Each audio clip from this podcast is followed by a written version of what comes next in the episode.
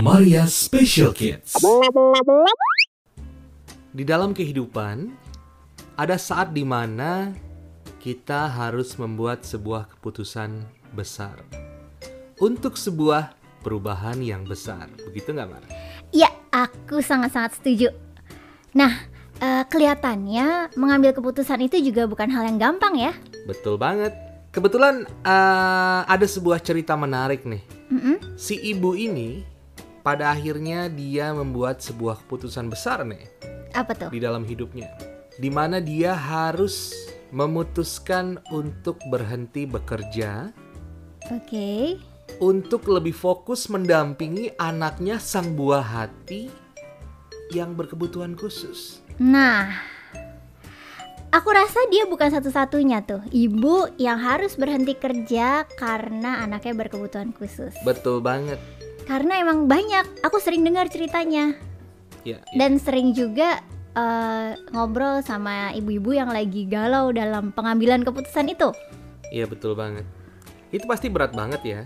Karena awalnya mungkin eh, ayah dan ibu bekerja kan, suami istri ini bekerja. Mm-mm. Jadi penghasilan mereka mungkin eh, cukup. Nah, tapi akhirnya ketika keputusan ini diputuskan, ya, keran pemasukan mereka akhirnya hanya bertumpu pada si suami atau ayah. Iya. Kira-kira seperti itu. Nah, itu eh, sebenarnya kenapa keputusannya jadi berat? Sebenarnya ya, kalau jadi ini ini dilema yang sering kali terjadi. Yang namanya pun punya anak berkebutuhan khusus, itu kan perlu biaya yang agak lebih besar. Setuju. Nah, karena apa? Anak-anak lain nggak perlu terapi, ini anak berkebutuhan khusus perlu terapi. Iya. Terus ada anak-anak berkebutuhan khusus yang harus menjalani eh, diet atau pola makan tertentu gitu, yang harus pantang glukosa, Iya. Eh, kasein, dan si pantangan-pantangan itu membuat eh, referensi makanannya semakin sedikit dan cenderung lebih mahal jadinya. Betul banget. Jadi eh, sebetulnya punya anak berkebutuhan khusus itu bisa dibilang eh, perlu pengeluaran yang lebih besar ya padahal ya. Iya. Tapi eh, di sisi lain jadi ada kebutuhan untuk memenuhi si kebutuhan yang besar itu di sisi lain perlu waktu investasi waktu untuk mendampingi anak itu juga perlu banget. Itu salah satu keputusan yang sering banget menjadi kebingungan. Eh ini ya kegalauannya parents yang punya anak-anak berkebutuhan khusus. Memilih antara harus dua-duanya kerja karena besarnya kebutuhan keuangan atau salah satunya resign karena butuh banget ada yang mendampingi gitu. Dan yang menarik ya nggak selalu loh yang berhenti kerja tuh ibu. Ada juga kondisi-kondisi justru yang berhenti kerja dan fokus ngurus eh, anaknya itu adalah si ayahnya. Gitu waktu itu eh, aku pernah ketemu ada klien ya. Jadi ibunya ini dokter dan eh, karena dia dokter spesialis jadi kan ini ya eh, butuh tuntutan kerja tuh lebih tinggi gitu dan benar-benar lebih dibutuhkan gitu. Sedangkan eh, si ayahnya tuh pokoknya pekerja kantoran gitu. Terus akhirnya ayahnya yang resign. Jadi sehari-hari yang nganterin anaknya sekolah yang eh, ngurusin anaknya sehari-hari itu adalah ayahnya gitu. Jadi sebenarnya kalau misalkan kamu lagi ada di posisi ini jangan selalu melulu eh, menuntut atau berpikir bahwa yang harus berhenti kerja tuh ibu gitu ya. Nggak selalu. Jadi diskusikan aja gitu. Dan nggak perlu malu juga. Karena ini adalah investasi untuk ke depan.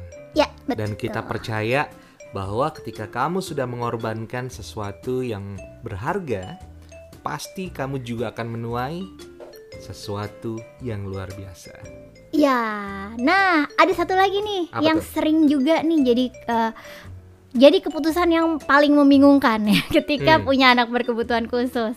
Yang berikutnya itu adalah em, sebenarnya begitu dapat diagnosa bahwa anaknya berkebutuhan khusus, orang tua itu benar-benar harus memutuskan treatmentnya yang mana nih yang mau diberikan ke anak gitu. Jadi kan Hmm, terapi itu kan banyak banget ya variasinya Iya. gitu kan. Terus kayak misalkan dia butuh obat obat tuh juga variasinya banyak. Terus misalnya nggak sampai ke obat deh gitu. Perlu eh, stimulasi-stimulasi khusus gitu. Nah ini mau pakai approach yang mana mau pakai cara yang mana nih itu yang juga sering kali bingung memilih antara tempat terapi yang satu dengan tempat terapi yang lain. Hmm. Memilih antara metode yang satu dengan metode yang lain gitu. hmm.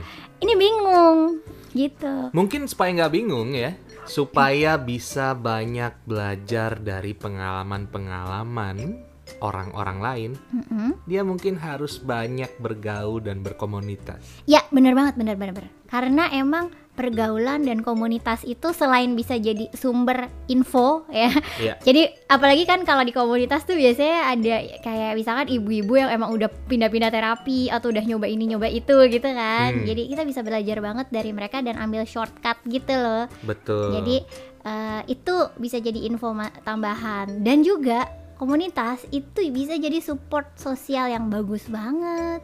Setuju, support sosial bahkan terkadang ada penawaran-penawaran yang menarik, ya nggak sih? Apa tuh contohnya? Beasiswa Oh iya benar. atau ada workshop, ada seminar, ada pelatihan bagaimana, ada terapi, ada ya seperti itu. Apalagi sekarang lagi era virtual ya. Iya benar Iya kan? benar benar. Iya benar. Karena apalagi di era virtual ini kan semua jadi lebih gampang ya Yes. sebetulnya. Eh tapi tahu nggak kalau di ini ya untuk kondisi-kondisi di luar eh, kota-kota besar ya Mm-mm.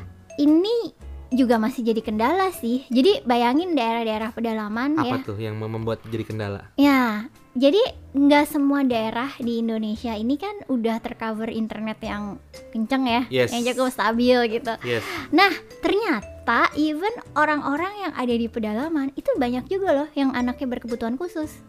Oke. Oke, dan mereka ini yang masih minim info gitu. Dan itu juga yang membuat mereka tuh bingung kalau mau memutuskan karena referensinya lebih sedikit. Kadang-kadang kita mikirnya kan gampang ya tinggal googling gitu. Eh, Hmm. tar dulu, googling di sana ada internet nggak gitu kan. Hmm, hmm. Kalau misalkan yang di kota-kota besar sih harusnya eh, hal-hal seperti ini udah nggak terlalu ini sih ya, nggak Hmm. terlalu jadi masalah gitu.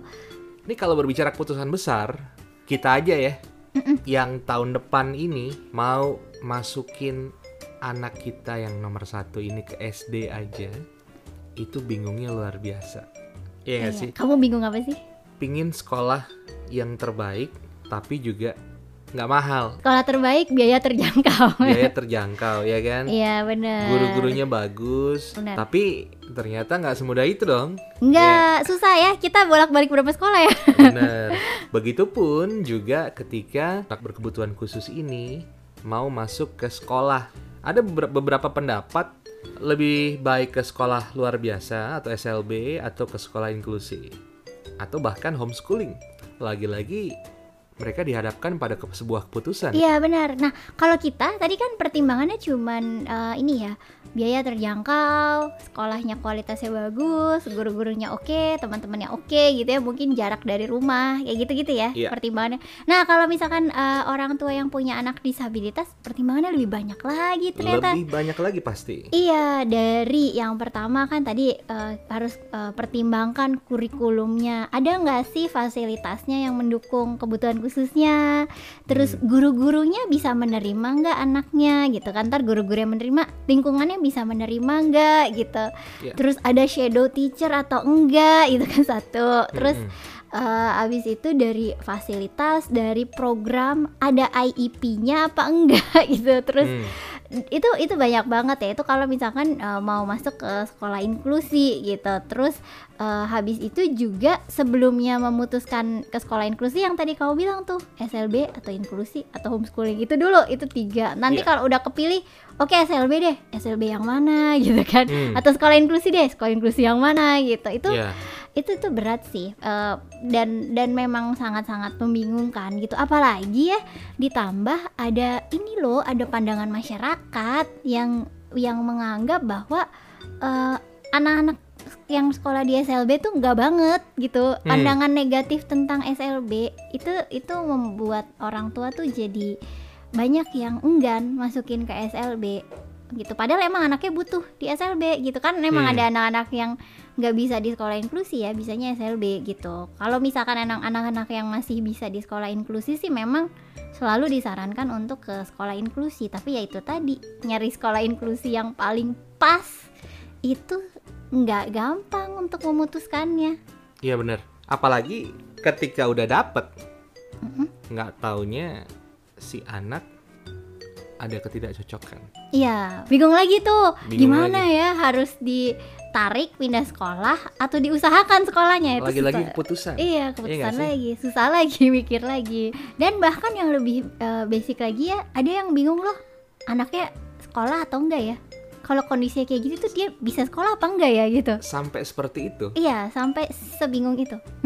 Oke. Nah ini juga banyak kejadian lagi-lagi di eh, orang-orang yang tinggal di daerah yang jauh dari kota besar, ya kan? Bayangkan kota-kota yang daerah-daerah terpencil itu, itu kan cari sekolah terdekat aja jauh, sekolah terdekat aja jauh kan?